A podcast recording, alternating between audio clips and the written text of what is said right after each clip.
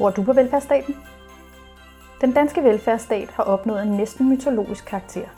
Den sikrer velfærdsgoder til landets borgere. En slags julemand for både børn og voksne. I denne podcast julekalender vil vi forsøge at identificere den danske velfærdsstat. Findes den? Og i så fald, hvordan ser den ud? Og hvem har fortjent dens gode gaver? Den stigende globalisering og øgede migration kan både ses som en udfordring og som en løsning på de demografiske og økonomiske problemer, som velfærdsstaten og velfærdssamfundet skal håndtere. Under alle omstændigheder udfordrer udviklingen den universelle velfærdsstatsprincip om lige adgang til velfærdsydelser for landets borgere. Med globaliseringen er det ikke længere helt så entydigt, hvem der er omfattet af de offentlige velfærdsydelser, og om alle borgere skal have lige adgang. Et eksempel på en eksisterende differentieret velfærdsydelse, der allerede er opstået som følge af globalisering og migration, er den såkaldte integrationsydelse. I dag taler vi med Mads Egeskov Sørensen, der er interim generalsekretær for Dansk Flygtningehjælp, om hvordan han forstår velfærdsstatens rolle anno 2020. Velkommen, Mads. Tak. Tror du på den danske velfærdsstat? Ja, det gør jeg. Øh, vi har opbygget et stærkt system, øh, der på mange måder tager hånd om øh, de svageste mennesker øh, i Danmark, og dem, der kommer til Danmark. Det er jo dem, vi fokuserer på. Det er jo flygtninge, det er nogle af de svageste, øh, vi har øh, i Danmark. Svageste mennesker, vi har i Danmark. Øhm, og der har vi et godt system med solidaritet, øh, hvor vi kan hjælpe de mennesker. Og tænker du, at den danske velfærdsstat har en særlig rolle i forhold til globaliseringen og den her øgede migration, man oplever i de år, der sker der nu?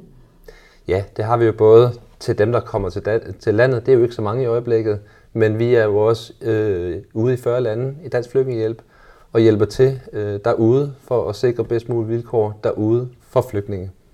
Og tænker du, at vi som, at det gør I jo som en privat organisation, men tænker du også, at vi som velfærdssamfund har et ansvar for de flygtninge, der er ude i verden?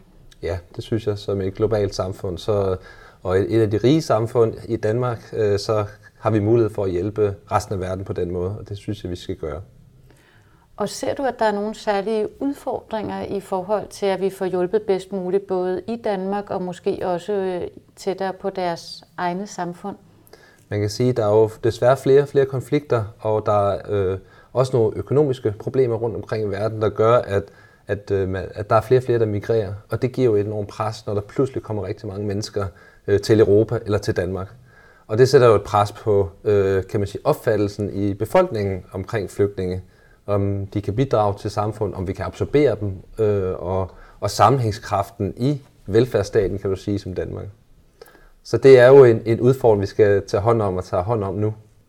Og ser du, at der er nogle potentialer, som gør, at vi har et afsæt for at løse de udfordringer, der er? Vi har jo i Danmark en lang tradition fra national side øh, med at hjælpe flygtninge i og uden for Danmark. Øh, og vi har jo en organisation som Dansk Flygtningehjælp og vores søster øh, organisation Norsk Flygtningehjælp, jo som har haft øh, sidste 60 år har arbejdet øh, præcis på de her områder og prøver at skabe noget evidens og noget viden omkring, hvad er det, der sker, og hvordan kan vi hjælpe bedst muligt, øh, både i Danmark, men altså også globalt, for at hjælpe til, bedst muligt til, i, i, til at håndtere den øh, udfordring, som vi globalt står overfor. Og nogle gange så skældner man mellem velfærdsstat og velfærdssamfund, hvor man tænker, at velfærdsstaten det er ligesom de offentlige ydelser, og velfærdssamfundet det er både den private og den frivillige og den offentlige sektor.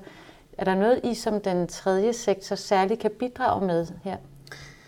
Ja, det synes vi jo, fordi at vi har jo som mandat dybest set at sikre flygtninges rettigheder og sikre de øh, konventioner bliver overholdt, som der er. Øh, og derfor så tager vi udgangspunkt i, i flygtningene, øh, de krav og de rettigheder, øh, som de har, og hjælper bedst muligvis.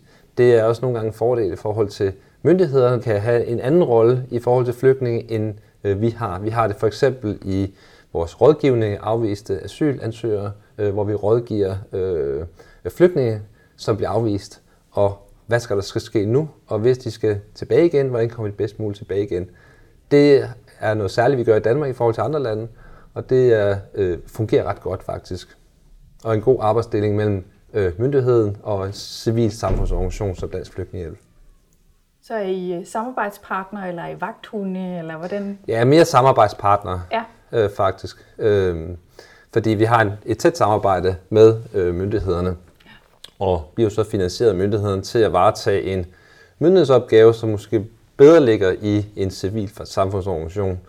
Både for samfundets skyld, men sådan set også en enkelt flygtninges skyld. Jamen, øh, tusind tak, fordi du vil øh, dele dine perspektiver med os i dag. Tak fordi jeg måtte være med. Og rigtig glædelig velfærd. Tak. I lige måde.